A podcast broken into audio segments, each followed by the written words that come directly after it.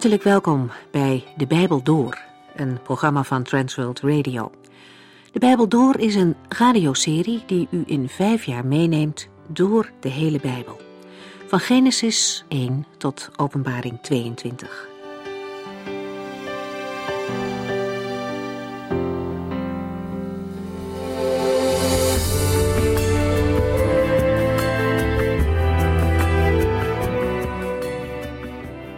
Wanneer je een afspraak met iemand maakt, dan wil je dat die ander zich daaraan houdt. Om het zekere voor het onzekere te nemen, laat je belangrijke overeenkomsten dan ook vastleggen. Dan weet je alle twee, zwart op wit, waar je aan toe bent. Een handtekening onder een officieel document maakt het rechtsgeldig. Jij moet je er zelf aan houden, maar je kunt ook die ander houden aan de koop, de samenwerking of waar het dan ook maar over gaat. In de Bijbelstudie van de vorige keer hebben we het gehad over een overeenkomst tussen God en Abraham. Abraham moest een koe, een geit en een ram in twee stukken hakken. Die beide helften legt hij tegenover elkaar en vervolgens legt hij links en rechts een vogel. Het was in die tijd gebruikelijk om dan samen over het pad tussen de dieren door te lopen. Daarmee werd de overeenkomst van kracht. Toen Abraham dat alles klaar had, wachtte hij. Ik weet niet hoe het u vergaat, maar wachten duurt altijd lang, het valt niet mee. Heeft Abraham God wel goed begrepen? Heeft hij het wel goed gedaan? Vergeet God Abraham misschien? En als de zon ondergaat, valt Abraham in slaap. Nou gaat het hier om een speciale overeenkomst. God heeft Abraham een zoon beloofd en God houdt zich aan die afspraak. Abraham hoeft daar niks tegenover te stellen. Het is genoeg dat hij God vertrouwt en gelooft. En God is degene die zal doen wat hij heeft beloofd. Hij sluit hier een verbond met Abraham, waarin hij hem belooft dat het beloofde land voor zijn nageslacht zou zijn, in de volle grootte. God is degene die dan tussen de stukken doorgaat als een symbool dat hij gebonden is aan het verbond. Het moet al met alle geweldig indrukwekkende gebeurtenis zijn geweest in het leven van Abraham, dit verbond. En dan, daarna, gaat het gewone dagelijkse leven weer verder. Soms maak je een geloofshoogte mee waar je wel op zou willen blijven. En dan moet je toch ontdekken dat je nog lang niet volmaakt bent. Juist die dingen uit het leven van alle dag kunnen je daarmee confronteren. Bij Abraham zien we dat ook. Hij struikelt. Het heeft te maken met de twee vrouwen in zijn huis. Sarai, die geen kinderen kan krijgen, en Hagar, een slavin die uit Egypte afkomstig is. En Sarai komt met het idee om via Hagar een kind te krijgen. Want ja, zo doet iedereen in hun omgeving dat toch? Maar dat zegt absoluut nog niets over hoe God het wil. Het is belangrijk om voor je iets gaat beslissen, eerst de wil van God te vragen, om te luisteren naar wat Hij in Zijn woord zegt. Dat kan je heel veel nare gevolgen besparen.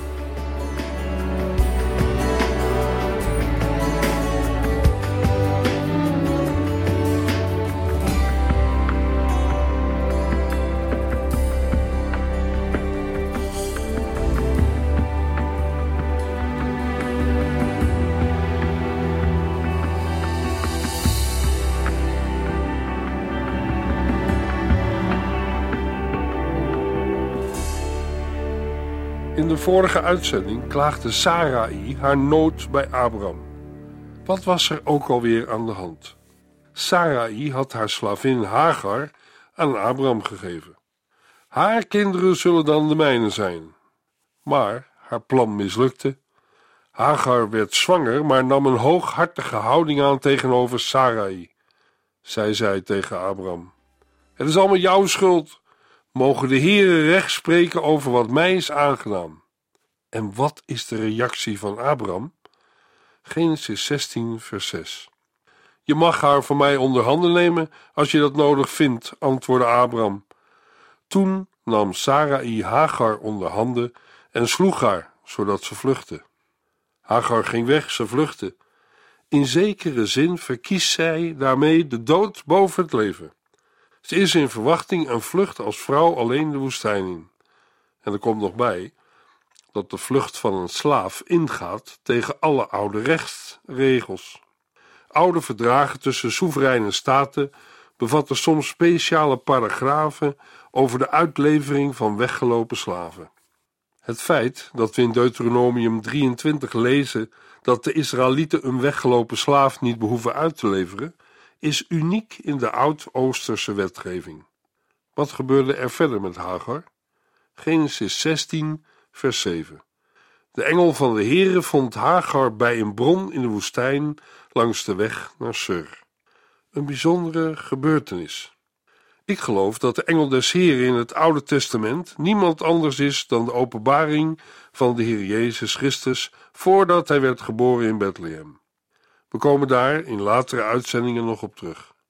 Wat hier in vers 7 gebeurt, past ook helemaal bij de Heer Jezus. Hij is altijd op zoek naar dat wat verloren is. Hagar heeft een hele reis achter de rug als de engel des Heren haar vindt. De engel zei: Hagar, dienares van Sarai, waar komt u vandaan en waar gaat u heen? En Hagar antwoordde: Ik ben op de vlucht voor mijn meesteres. En de engel zei: Ga terug naar uw meesteres en gehoorzaam haar, want uw nakomelingen zullen een groot volk worden. Genesis 16, vers 8 tot en met 10. Paulus haalt in de brief aan de Gelaten de gebeurtenissen met Hagar aan als een voorbeeld met een diepere betekenis. We lezen in Gelaten 4, vers 21 tot en met 31. Luister, vrienden, u denkt nu wel dat u de wet moet gehoorzamen, maar probeer dan eens te ontdekken wat er precies in die wet staat. Er staat namelijk in dat Abraham twee zonen had: één van zijn jonge slavin Hagar en één van zijn eigen vrije vrouw Sarai. Dat Hagar een kind van Abraham kreeg, was een natuurlijke zaak.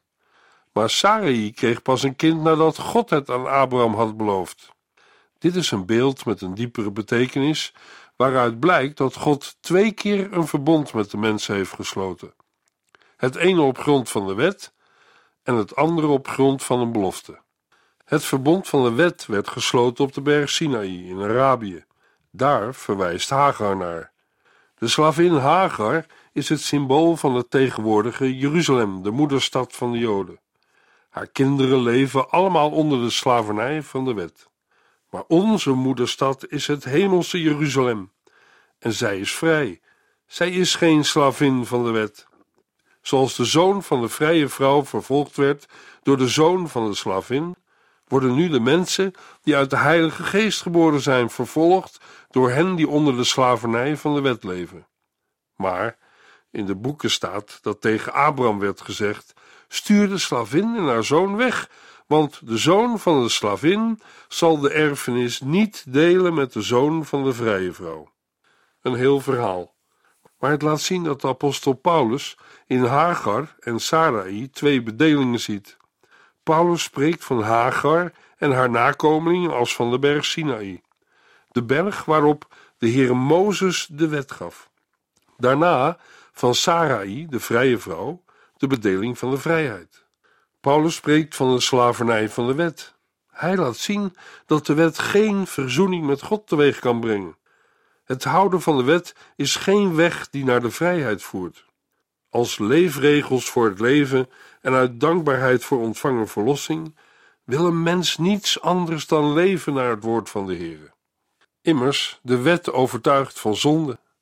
Als er geen regels zijn die het verschil aangeven tussen goed en kwaad, dan doet iedereen wat goed is in eigen ogen. Het resultaat is dan wanorde en chaos. De wet als heilsweg loopt dood. Tegen Abraham werd gezegd: stuur de slavin en haar zoon weg, want de zoon van de slavin zal de erfenis niet delen met de zoon van de vrije vrouw. Dit gaat voor een groot verdriet zorgen. Niet alleen voor Sarai, dat was het al, maar ook voor Abraham. Hagar komt terug in de tenten van Abraham om een jongen ter wereld te brengen. Een jongen die wel de zoon van Abraham is. Genesis 16, vers 11 en 12. U bent in verwachting en u zult een zoon krijgen. Noem hem Ismaël. God luistert, want de Heere heeft uw klachten gehoord. Uw zoon zal een wilde bras worden, een vrijbuiter. Hij zal zich veel vijanden maken en zijn hele familie trotseren. Vindt u het niet opvallend actueel wat er in dit vers wordt gezegd? Plaats het eens in het licht van 4000 jaar geschiedenis in het Midden-Oosten. Wat gebeurt daar vandaag? De afstammelingen van Ismaël worden in dit vers wilde brassen en vrijbuiters genoemd. Het is door de eeuwen heen de geschiedenis geweest van de Bedouinenstam in de woestijn. Maar het is voor alles de vervulling van het woord van God uit Genesis 16. Veel Bedouinen zullen ons vertellen dat ze zonen van Abraham zijn, maar ze zijn ook zonen van Ismaël. Ze zijn aan Abraham verwant via Ismaël. Hierna noemde Hagar de naam van de Heere, want hij was het die met haar had gesproken. De God die ziet en door mij werd gezien. Ze was verbaasd dat ze God had gezien en toch nog in leven was. Later werd de woestijnbron de bron van de levende die mij ziet genoemd. Hij ligt tussen Kades en Beret. Genesis 16, vers 13 en 14. Wat is God liefdevol tegenover Hagar? Het is niet haar fout dat alles zo gelopen is, en daarom handelt God met Hagar naar zijn genade en barmhartigheid. Hierna noemde Hagar de naam van de Heere, want hij was het die met haar had gesproken. Dit is voor Hagar iets nieuws wat ze nog niet eerder heeft ervaren en meegemaakt. Hagar kwam uit Egypte. De Egyptenaren hadden primitieve gedachten en opvattingen over goden. Hagar noemt de Heere God de God die ziet en door mij werd gezien. Ze is verpletterd door het feit dat ze door God is gezien. Misschien is dat voor ons niet zo indrukwekkend, omdat we anders denken over God. Toch, als je er even over nadenkt, dan weet de mens van nature niets over God. Dan komen we evenveel tekort als Hagar in ons werkelijk kennen en weten van God. Het valt voor natuurlijk mensen niet mee om enig begrip te krijgen van de eeuwige God. We komen allemaal tekort in het begrijpen en kennen van Hem. Als God zichzelf niet aan ons mens had geopenbaard door zijn woord en geest, dan hadden wij niets van Hem geweten. Hem ten volle leren kennen zal een onderwerp zijn dat ons in de eindeloze eeuwen van de eeuwigheid bezig zal houden. Het leren kennen van God is iets wat voor ieder mens noodzakelijk is. Het zal namelijk de plaats bepalen waar een mens de eeuwigheid zal doorbrengen: bij Hem in de hemel of in de buitenste duisternis, de absolute Godverlatenheid. Genesis 16, vers 15 en 16. Zo kreeg Abraham een zoon van Hagar en hij noemde hem Ismaël. Abraham was toen 86 jaar oud. Het valt op dat we in Genesis 16 geen volledig verslag krijgen van de gebeurtenissen. De terugkeer van Hagar en haar ontvangst bij Sarai wordt niet vermeld. De belangrijkste zaken worden aangegeven en het gaat om het grote feit de geboorte van Abrahams zoon, die door hem als zijn zoon wordt erkend. Immers, Abraham geeft hem zijn naam, en wel de naam die de engel des Heren aan Hagar had gezegd. Abraham was nu 86 jaar oud. Dat is één jaar na de datering in vers 3. We zullen straks in Genesis 17 ontdekken dat er daarna nog 13 jaar voorbij gaan voordat God opnieuw tot Abraham spreekt. Maar voor we daarmee verder gaan, wil ik graag in het kort de zeven beproevingen van God aan Abraham samenvatten. Ze hebben alles te maken met de verschijningen van de Heer aan Abraham. Bij vijf van de verschijningen hebben we al stilgestaan. Er waren hoogtepunten in het leven van Abraham, maar er waren ook zeker mislukkingen en dieptepunten.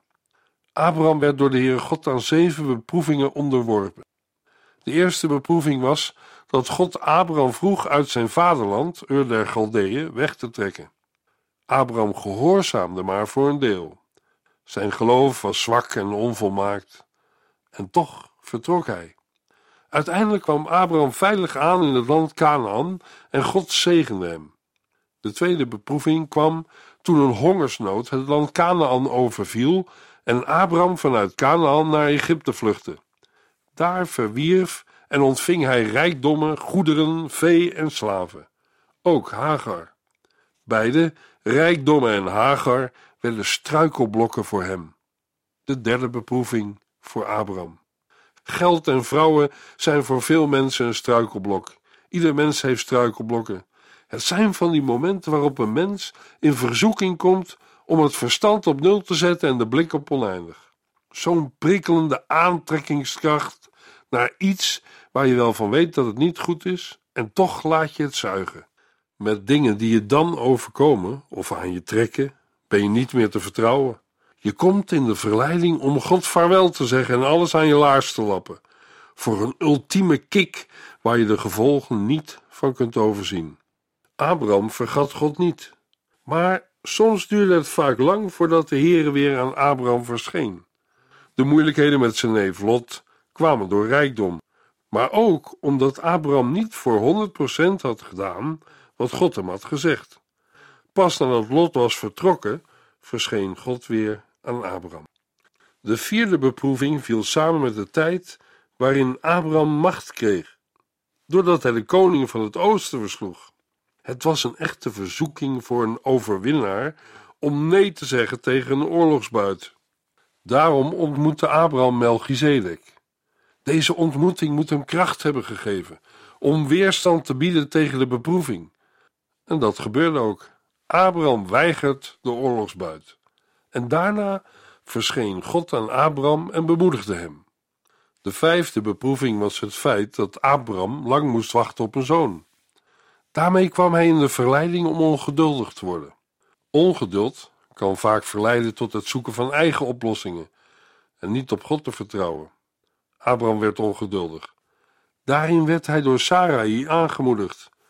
Het resultaat is dat hij de zaak in eigen hand neemt en tegen Gods wil ingaat. De gevolgen?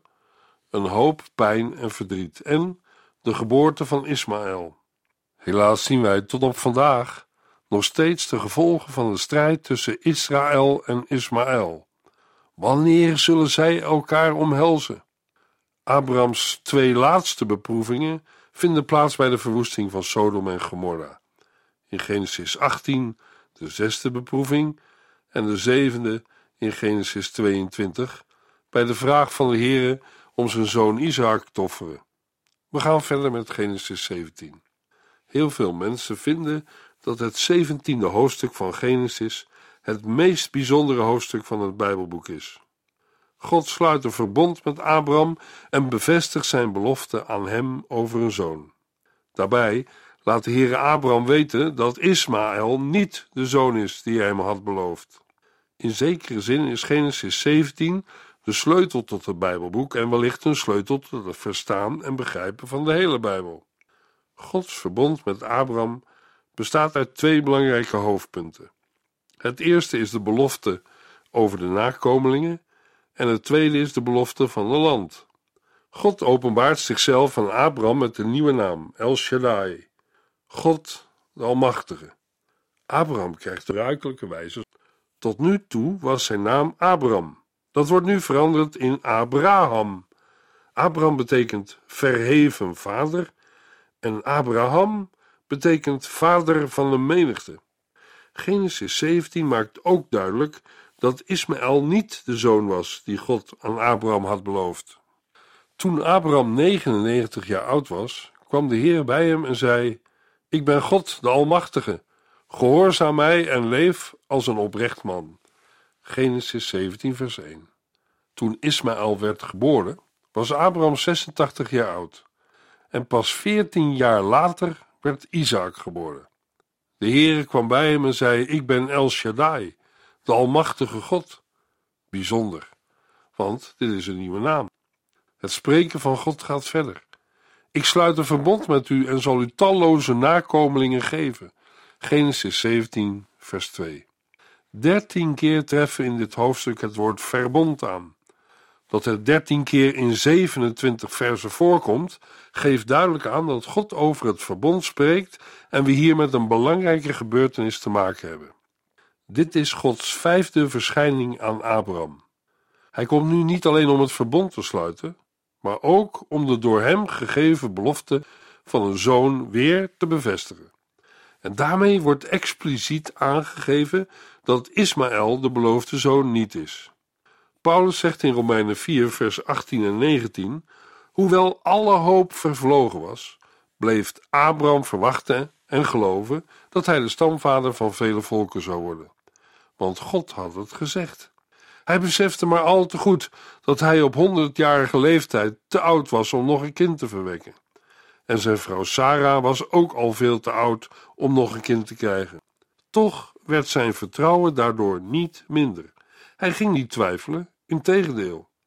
Sarah's schoot was in feite een graf.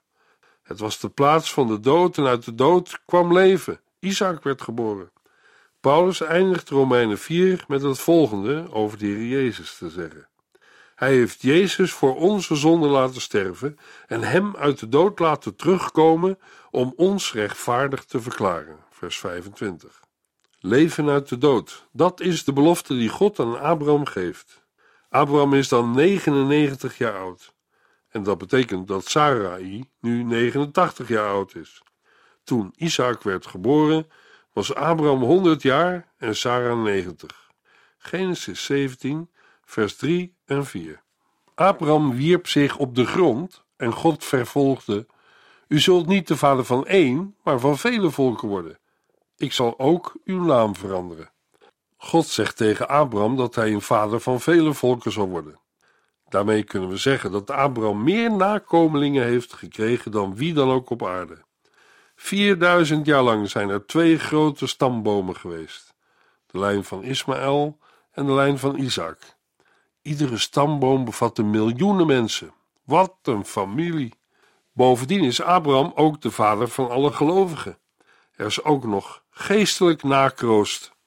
We hebben al eerder gezien dat christenen kinderen van Abraham worden genoemd door het geloof in Christus. In Romeinen 4, vers 16 zegt Paulus over Abraham: Hij is de vader van ons allemaal. Dat wil zeggen, van alle gelovigen uit alle volken, van Israëlieten, maar ook van Arabieren. God belooft het hier aan Abraham: Ik ga u tot een vader van vele volken maken. God heeft zijn belofte gehouden. Miljoenen mensen op weg naar een schare die niemand tellen kan. Genesis 15, vers 5. U zult niet langer Abraham heten, maar voortaan is uw naam Abraham, vader van velen. Want dat zult u zijn. Zo heb ik het bepaald. Abraham betekent hoge vader of vader van de hoogte of verheven vader. Abraham betekent vader van de menigte. Ik maak een uitstapje met een verhaaltje om iets te illustreren over het geloof van Abraham. Ga er eens vanuit dat op een zekere morgen Abraham en Sarai opstonden. Terwijl ze rond hun tent aan het werk zijn, verschijnt daar plotseling, in hun kleine oase, die door de bron van Hebron is ontstaan, een karavaan. Abraham gaat ze tegemoet om ze te begroeten en vraagt hen of hij de kamelen water kan geven. Interessant om op te merken dat er in die tijd heel veel gastvrije mensen waren. Als wij over levenswijze en omstandigheden spreken van mensen uit het verre verleden, dan zijn ze naar onze maatstaven vaak primitief en leefden onder erbarmelijke omstandigheden. Lang niet zo goed als wij. Dat is in bepaalde opzichten zeker waar. Maar ik kan u zeggen dat er in die tijd geen vreemdeling door het land kon trekken zonder dat iemand hem uitnodigde en gastvrij ontving. En hoe is dat bij ons? Als een vreemdeling bij u of bij jou langs zou komen, zijn wij dan ook zo gastvrij? Onze cultuur is heel anders en bijna niet te vergelijken met toen. Maar wij missen zeker de gastvrijheid die ze toen hadden. Abraham gaat de karavaan tegemoet en mogelijk is het gesprek als volgt verlopen. Het gesprek klonk waarschijnlijk ongeveer zo: Kan ik u helpen met water en voer voor uw dieren? Wilt u mijn gast zijn en nog wat blijven? De mannen van de karavaan weigeren. Ze zeggen helaas niet. Wij zijn op zakenreis naar Egypte. We lopen al achter. We hebben haast om in Egypte te komen. Een van hen stelt zich voor. Mijn naam is Ahmed. En een ander zegt: Mijn naam is Ali. Wat is uw naam? Als Abraham antwoordt: Mijn naam is Verheven Vader, roepen de mannen: Prachtig. Is het een jongen of een meisje? Het blijft even stil, maar dan zegt Abraham: Ik heb geen kinderen. De mannen moeten lachen. U wilt zeggen dat u geen enkel kind hebt en uw naam is Abraham? Hoe ter wereld kunt u een vader zijn en geen kinderen hebben? Wat moet Abraham zeggen? De karavaan trekt verder, maar zes maanden later komen ze weer langs. Als Abraham naar buiten komt om hem te begroeten, hoort hij lachend zeggen: Hallo, verheven vader. Tot hun verrassing en verbazing horen ze Abraham zeggen: Mijn naam is niet meer verheven vader, ik heet nu vader van een menigte. De handelaren roepen: Fantastisch, is er een tweeling geboren. Wat gaat Abraham nu zeggen? Ze lachen zeker weer als Abraham zegt: Nee, ik heb nog steeds geen kinderen. Wat wil ik met dit verhaaltje? U en jou de situatie van Abraham laten invoelen. We hebben in Abraham te maken met een man die vader was voordat hij ook maar één kind had. Zijn naam betekent vader van een menigte. Hoe was hij dat? Door geloof. Vandaag, meer dan 4000 jaar later, kunnen wij, u, jij en ik, zeggen dat God heeft gedaan wat hij heeft beloofd. Abraham, vader van de menigte. Genesis 17, vers 6 en 7. Ik zal u heel veel nakomelingen geven onder vele volken. Er zullen koningen onder uw nageslacht zijn. Dit verbond zal overgaan op elke nieuwe generatie, voor altijd. Ook voor uw kinderen en hun kinderen zal ik een God zijn. Wat voor soort verbond sloot God met Abraham? Een verbond voor altijd, een eeuwig verbond. En als het eeuwig is, en dat is het, dan geldt het vandaag nog. Het verbond dat God in Genesis 17 met Abraham sluit, is geen herhaling van het verbond waarover wij in Genesis 15, vers 18 lezen. Het is een nadere uitwerking. Het initiatief tot het verbond gaat alleen van God uit. Maar de bevestiging ervan vraagt een menselijk antwoord. Zo wordt de relatie tussen God en mens vastgelegd. Dat eeuwige verbond van God is er vandaag nog. In Jezus Christus belooft de Heer God mensen het eeuwige leven, als ze op Christus hun vertrouwen stellen. Er is bij niemand anders redding te vinden. Hij is de enige door wie de mensen gered kunnen worden. Handelingen 4, vers 12. God belooft u, jou en mij eeuwig leven als we ons vertrouwen op Christus willen stellen. Want dit is een getrouw woord en alle aanneming waard dat Christus Jezus in de wereld gekomen is om zondaren te behouden. Met eerbied gesproken, wat moet de Heer nog meer doen dan wat Hij al heeft gedaan? Nu is het tijd voor uw antwoord.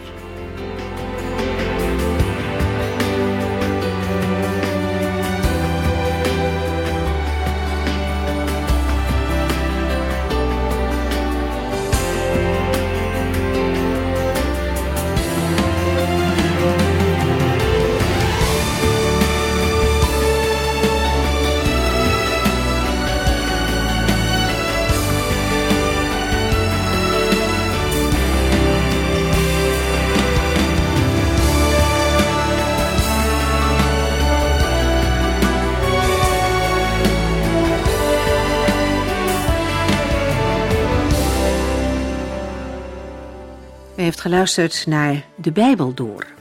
In het Nederlands vertaald en bewerkt door Transworld Radio. Een programma waarin we in vijf jaar tijd de hele Bijbel doorgaan.